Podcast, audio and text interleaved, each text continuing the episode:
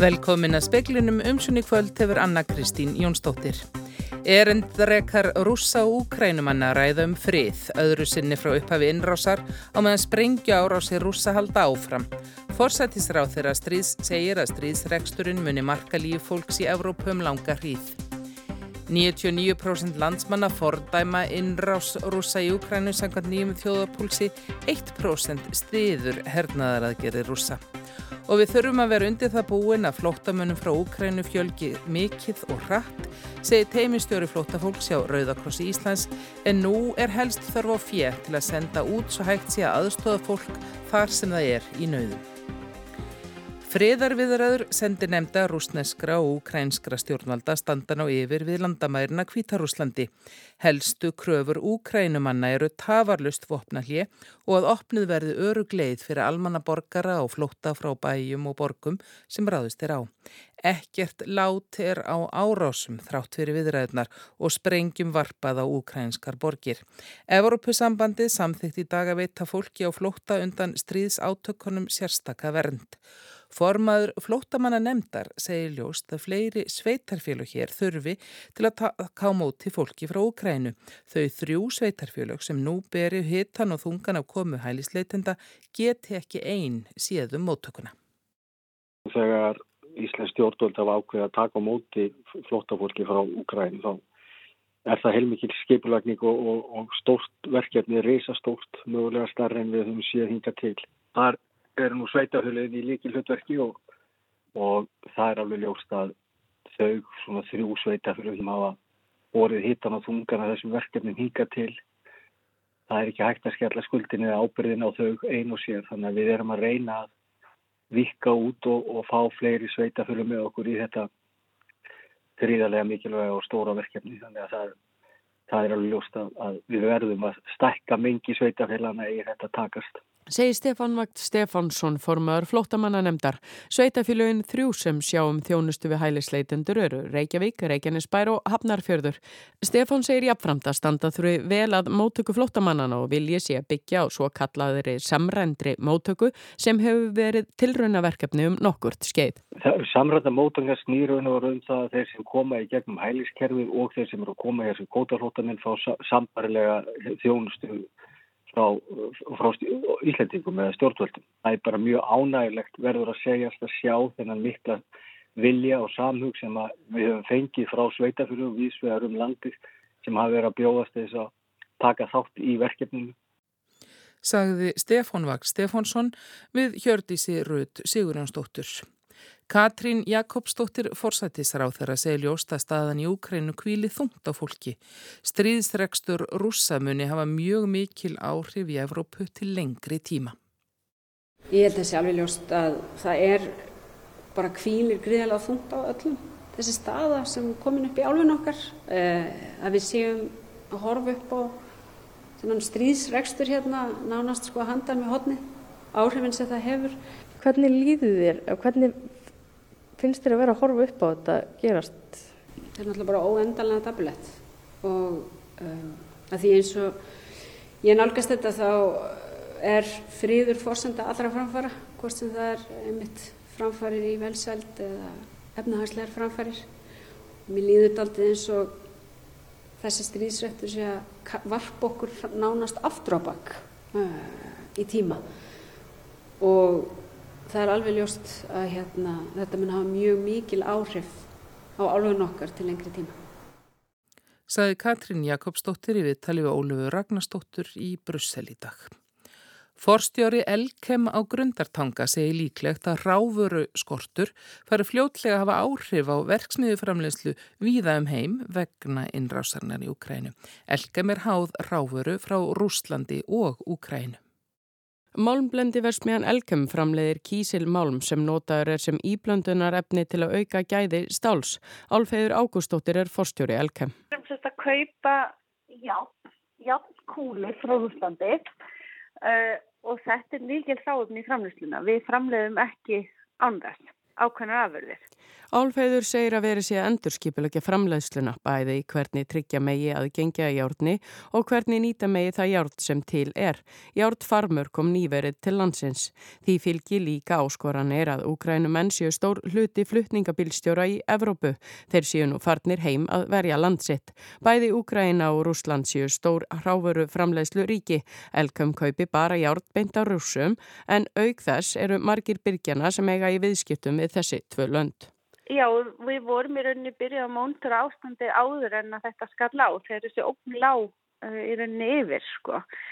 Og hérna finnum mjög hratt fyrir þessu og þurfum þar leðandi að bregðast hratt við til þess að vinna að venda reksturinn. En ef allt fyrir að vesta veg þá getur þetta kosta rekstur hérna sko.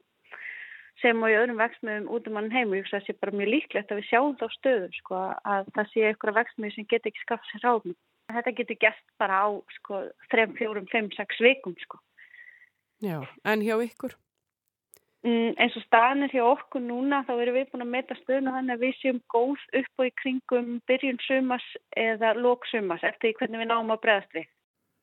Segir Álfheður Ágústóttir, Hjördís Rödd Sigurjónsdóttir talaði við hana.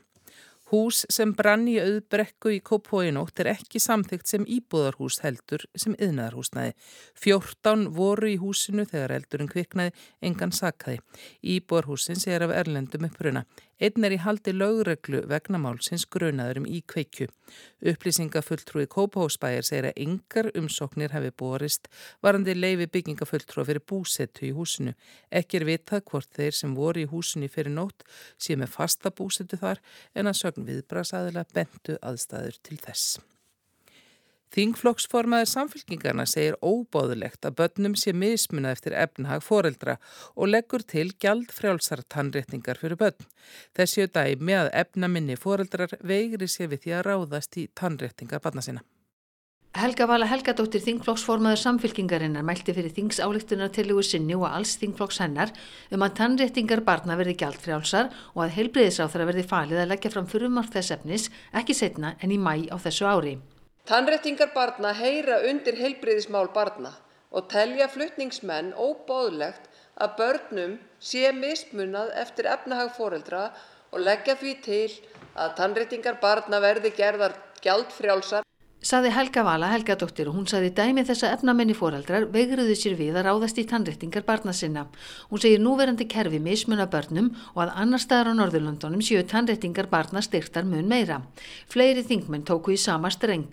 Gísli Rafn Ólafsson er þingmaður pírata og fadir fimm barna sem öll fóri í tannréttingar og hann hafði góðu laun.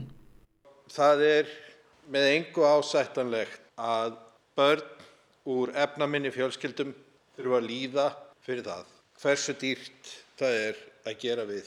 Það er í rauninni með ólíkindum að við séum hér uh, árið 2022 enn að ræða þá sjálfsögðu samfélagsaðgerð sem það er að uh, niðurgreða tannréttinga fyrir börn. Saði Þórun Sveinbjarnadóttir, Jóhanna Vigdís Hjaltadóttir tók saman. Íslendingar eru nær einróma í fordæmingu sinna á innrás Rúslands í Ukrænu. Fólk lýsir miklum stuðningi við efnagsaðgerði gegn rúsum en telur þær þó ekki duga til að stöðva innrás. Gallup hefur kannad afstöðu landsmanna til innrásarinnar frá því að hún hóst og byrti niðurstöður sínar í dag. 99% fordæma innrásina en 1% stiður hana. 92% vilja úkrænumenn veiti mótspyrnu frekar en að leggja niður vopn. Þegar fólk er spur hvort að innrásinn sé réttlætanleg að einhverju leiti svara 93% neitandi en 4% játandi. Mikil meira hluti landsmanna tilur líklegt að hernaðar aðgeri rúsa í Úkrænu leiði til hernaðar átaka í öðrum löndum. Tæplað þriðjungur tilur að innrásinn hafi áhrif á lísitt en rúmlega helmingur finnur fyrir óöryggi eða óta vegna ástansins. Aðtegli vekur að landsmenn eru mjög hlindir því að alþjóð samfélagi beiti sér gegn rúsum með hörðum efnarsaðgerum þráfyrir að minni hluti telji að þær geti stöðva hernaraðgerðir í Úkrænu. 89% stiðja efnarsaðgerðirnar en 23% telja líklegt að efnarsaðgerðirna dugi til að stöðva rúsa. 61% telja aðgerðirnar ekki duga til að binda enda unnir á sinna. Brynjólf Þór Gumundsson sæði frá. Tæp vika er síðan rúsneskur herr fóri við landamærin inn í Úkrænu og það herðir á bardögum dag frá degju. Um miljón Úkrænumanna hefur flúið að heiman, flestir farið yfir til Póllands og Ungverilands. Landflóttin er skindilegur og þó erfitt sé að spá fyrir um hver margir eiga eftir að leita hingað geta hlutinu gerst mjög hratt. Allir þurfa að vera í viðbrastöðu, segi Nína Helgadóttir, teimistjóri flótafólks hjá Rauðakrossinum. Það er ekki, ekki liðum vika og, og miljón manns uh, hefur yfirgifið landið. Og samkvæmt svona fyrstu spám eða núverandi spám flótamannastofnunar saminuð þjóðana þá sjá þau fram á að það verði cirka, eða getur orðið fjóra miljónur sem að munum flýja uh, yfir til næstu nákvæmlanda og þar er hort á um, að munir flestir fara í gegnum Póland og það er talsvert minna í gegnum Ungverland og síðan hinn nágrannlöndin og hvert þetta fólk fer svo áfram það er, við höfum eftir að sjá það hvað verður með það. Einhverjir fara áfram til ættingja þar sem þeir eru niður komnir í, í öðrum Evrópulöndum og þá vendarlega við um Ísland líka. En það er nú svona talið að, að fólk vilja nú kannski flótafólki vilja nú kannski aðeins hingra á sjá hverju framvindur og hvernig þetta fer á svona næstu dögum og mögulega vikum. Og ég held að það sé nú við getum sett okkur í þau spór við myndum kannski ekki þjóta strax af stað í hinnandan á Európu árum við vitum nákvæmlega eða sjáum aðeins hvernig, hvernig þróunan verður. Fólk á þetta eigur og, og íbúðir og ættingja sem ekki treysta sér til að fara og Það er bæði gamalt fólk, falla fólk, uh, fólk sem kemst ekki á stað fyrir einhverja sakir, er innleiksa, engar samgöngur. Þannig að það er allavega ástæður fyrir því að, að, að fólk kannski staldra við og svona tekur sér eitthvað umþóttuna tíma áður en það fer áfram. Veistu eitthvað hvernig aðbúnar er að hvernig viðtökurnar er til dæmis í Pólandi og Ungverðarlandi? Uh, ég veit uh, svo sem að uh, okkar sýsturfélög Rauðakrossins eru í hafa sett allt sitt öll sín viðbráskerfa stað og það er verið að veita fólki lífsnöð sinnar bæði fæði, klæði, húsaskjól einhver leiti vatn, heilbúriðsastöð svona þetta sem þú þart fyrsta kastið og það er stór hjálparbeðni sem hefur verið sendt út til allra rauðukorsfélagana í heiminum, allra í reyfingunni på 34 miljardar íslenska króna sem er ekkit, e, e, ekkit smáraði.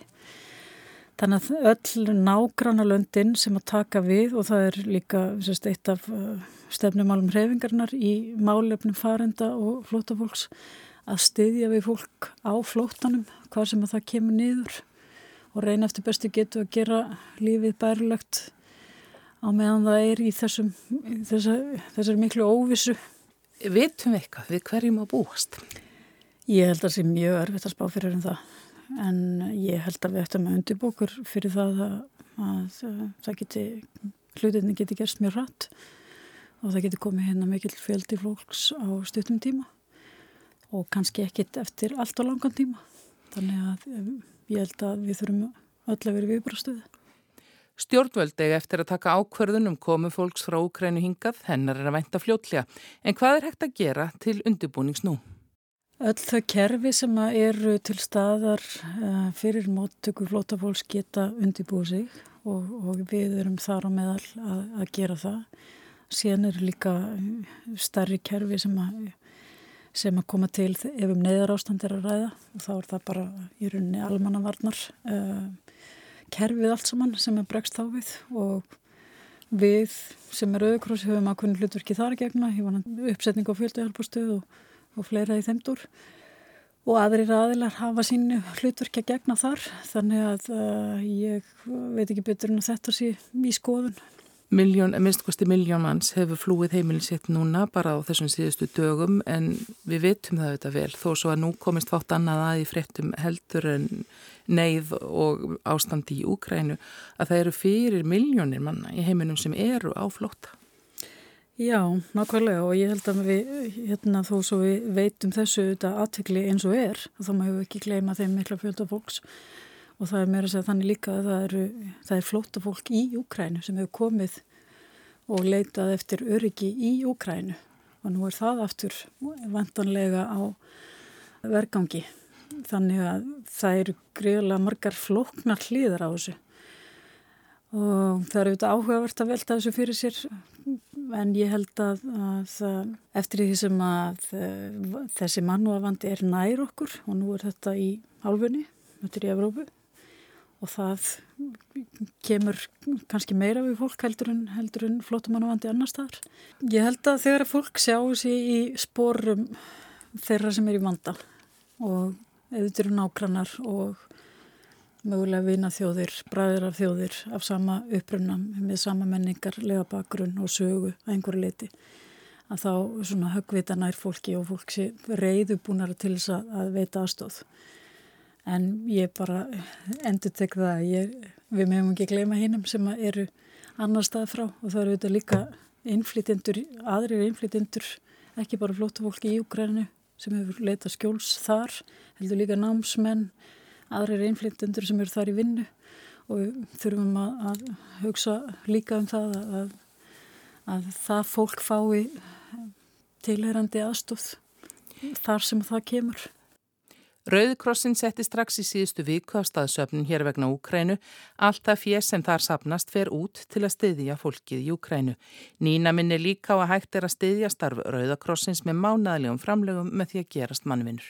Nú er fjármagn það sem ákur vandar og það eru auðvitað til, öll möguleg og hugsanlega hjálpargókn eru til á svæðinu sem að liggja að Úkrænu. Engin þörf á því að fara að senda hjálpargókn hérðan samkvæmt fregnum frá sýsturfjölugunum okkar í landsfjölugunum hann í kring, eða sérst í löndunum hann í kring, þá hefur þegar borist mjög mikið hjálpagáknir sem að þau geta í rauninni ekki sko, einu sinu unnið úr, þannig að við erum ekki fara að senda neitt hérðan. Við störtum söpnun hann bara saman dag og unnröðsun hóst og það hefur gengið ótrúlega vel. Við hefum þegar komið með 23 miljónir og við viljum koma þakklæti á framfæri til þeirra sem hafa lagt okkur lið þar og svo þegar nærdregur raunverulegum aðgerðum hér þá munum við þurfa á fleiri sjálfbáðarliðum að halda. Saði Nína Helgadóttir.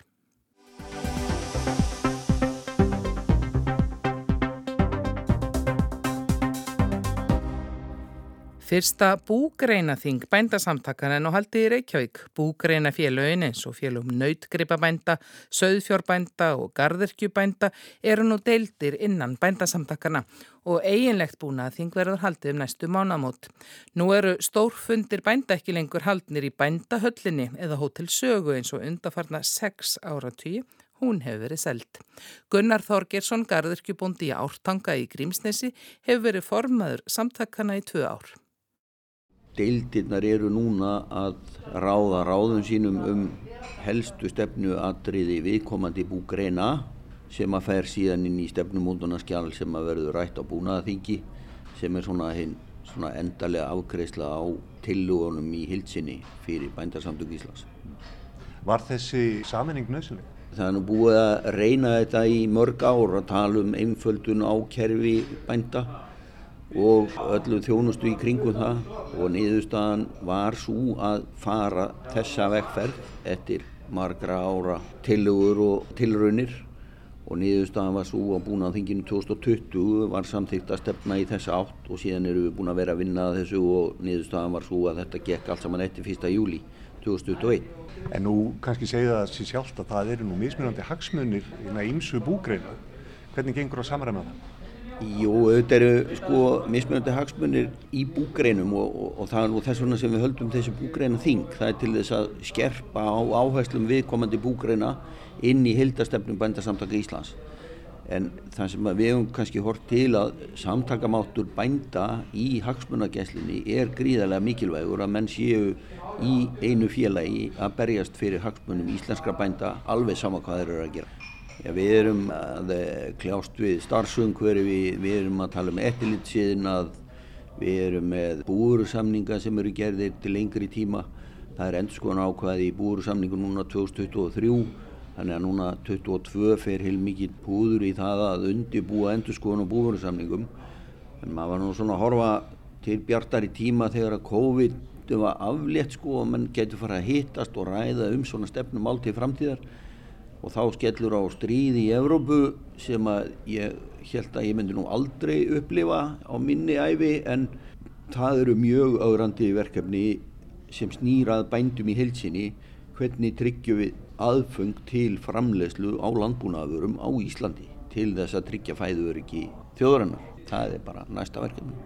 Já, það mátti heyra á þér í þinni setningaræðu hjá Stefáni Vagni, formann aðtunumálunendar Alþingis og hjáráð þeirra, Svandísi Svafastóttur, að bara það að fá áburð og að tryggja áburð, það er stórt ágefni. Er það það sem að brennur helst á bændu núna?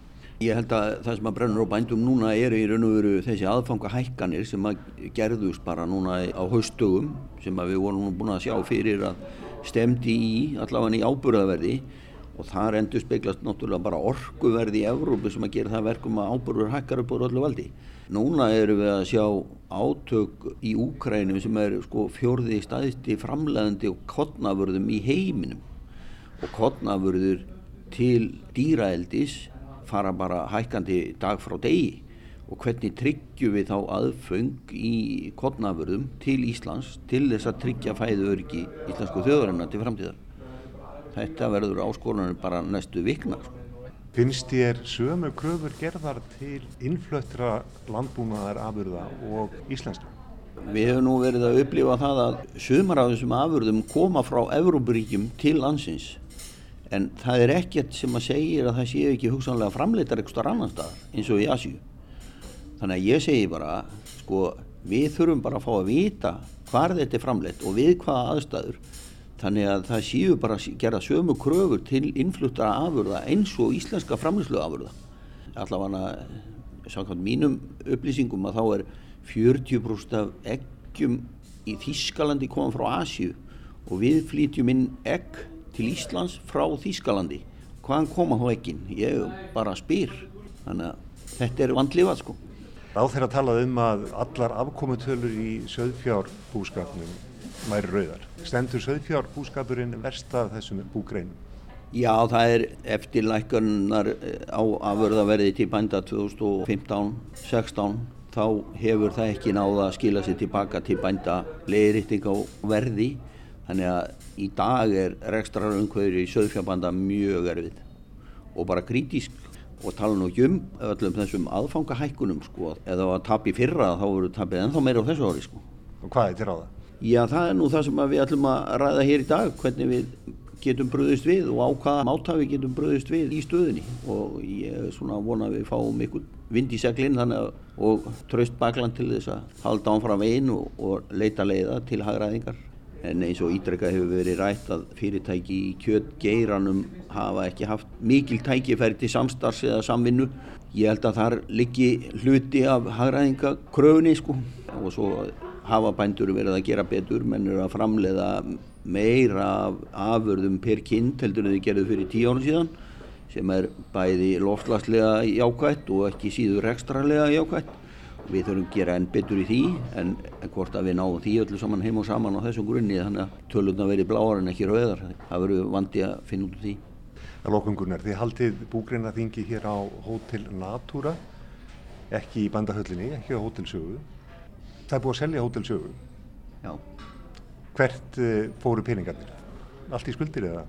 Já, það fóru í raun og veru allt í, í að gera upp skuldir bæði staðsta kröfuhafans og svo smæri kröfuhafans sem áttu út í strandandi skuldi kakvart okkur en auðvitað er þetta daldi sérstakt að halda búin að þing hér á loftleðum sem hefur allatíð verið haldið frá 63 vantarlega fjór í bændahöllinni þannig að menn voru svolítið undrandi að koma inn í nýtungurfi svona er nú bara lífið Og engin peningur afgangs?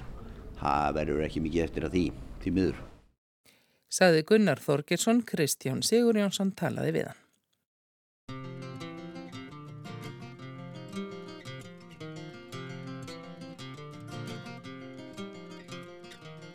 Really don't mind if you sit this one out.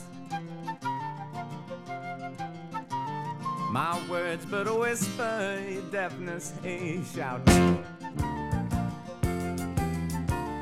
I may make you feel Í dag eru 50 ár liðin frá því að platan Þykkasa Brygg með breskuljónstinni Jethro Tull kom út. Hún er bísna merkileg plata fyrir margra hluta sækir. Þetta var fymta stúdíoplata Jethro Tull. Ári áður í mars 1971 sendu Jethro Tull frá sér Aqualung og þá sló hljómsutin endanlega í gegn.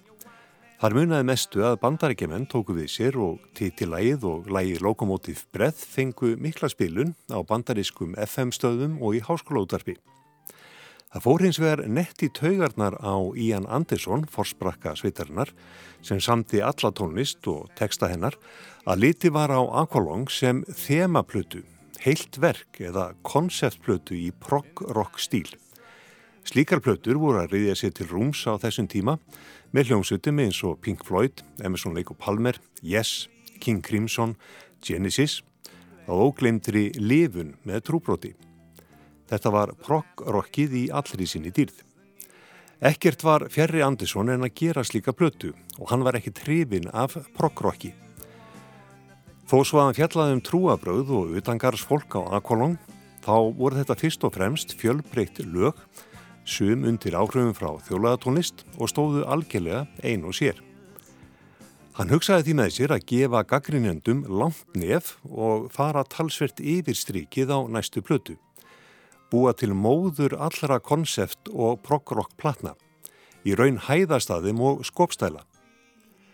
Semja flókna tónlist með örum taktbreytingum við teksta sem væri torskilin og skrítin og þar með mótaðist hugmyndin að þykasa brygg. Tekstan samti Andersson í nafni Gerald Bostock, 8 ára drengs, sem var ekki til, en margir skildi ekki brandaran og úrvarð heilmikill rugglingur og miskilningur.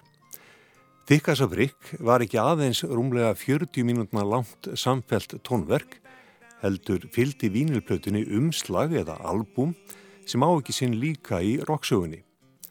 Það var hanna sem dæmi gert ennst landsbyðar eða þorpsblað, seint klíf krónugul, með öllu því efni sem fylgir slíku bladi. Staðarfrettum, fæðingar, brúðkaups og jarðafaratilkynningum, auglýsingum, teiknimyndum, íþróttafrettum og framhalsögu. Allt þetta efni skrifuðu félagarnir í hljómsutinni. Þetta var skrifað í anda þess húmor sem hafði rutt sér til rúms meðal ungs fólks á Breitlandi á þessum tíma og kentur er við Monty Python hópin. Þegar platan kom út þann 3. mars 1972 var henni tekið opnum örmum bæði af aðdáðundum og tónlistapressunni. Byrjunin á plötunni er eins og allra flottasta og mest grípandi í roksögunni og all spilamennska þjett og humindarík. Allt í kringum þykkasabrikk er fullt af þversögnum. Platan er skopstæling eða parodía á konceptplötur og progrock flókin en samt einföld og leiftrandi. Tekstin er á tíðum tóm steipa en samt er í honum línur sem allir rock-unnendir kunna. Platan sem átt að hæðast að prog-rocki er í staðin álitin einn besta prog-plata allra tíma. Hún er næst söluhæsta eða vinsælasta plata Jethro Tull á eftir Akolong og ásand henni svo plata sem haldið hefur nafni Jethro Tull hæst á lofti. So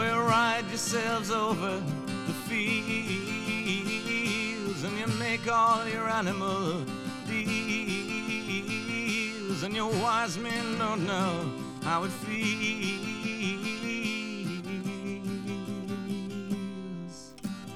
to be thick as a brick. Og ítalega verður fjallað um þykkastabrik í Rokklandi á Rástfö á sunnudaginn 7. mars.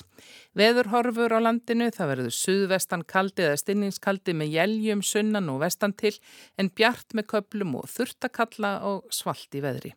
Það er ekki fleira í speklinum í kvöld. Tæknimaður var Magnús Þorstein Magnússon. Veriði sæl.